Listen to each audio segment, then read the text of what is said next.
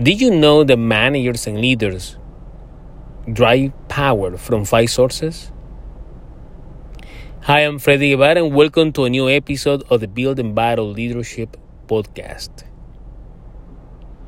Your podcast about leadership, teams, power, influence, and communication.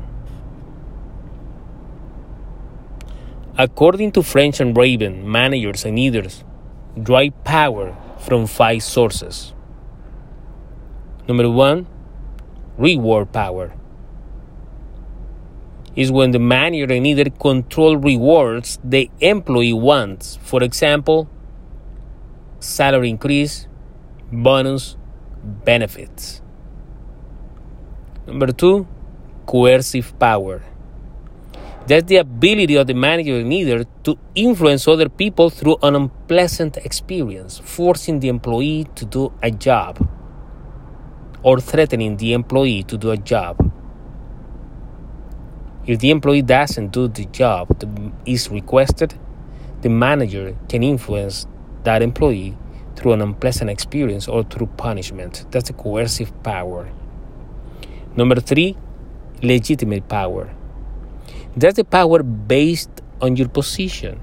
Maybe you are the manager of the department, you are the COO or the CEO of the company that gives you the legitimate power to influence other people, the right, the authority to influence other people. Number four, reference power. That power is based on interpersonal attraction. For example, charismatic individuals, charismatic leaders. Those are the ones who execute a reference power. We are attracted to those people. And number five, the expert power. That's the power based on the information and knowledge. Those are the subject matter experts we have in the organization, and they influence other people because they are the expert ones. Those are the guys, the go to go guys when we have a problem, when we have knowledge, when we want information within the organization. That's the expert power. So, those are the sources of power that managers and leaders can use to influence other people. Remember that leadership is about power and influence. And those are the five sources that managers and leaders can use to execute power so they can influence other people to do a job and to achieve a goal. So let's summarize and let's remind one more time the five sources of power reward power, coercive power, legitimate power, reverence power, and expert power.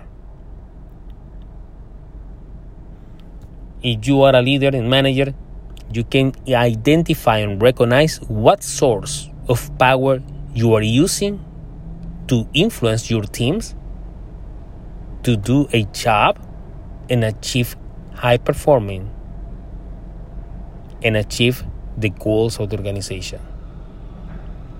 If you have identified what is your source of power, leave a comment, let me know, tell me your experience and if you like this episode, like it and share with others so we all can learn about the sources of power.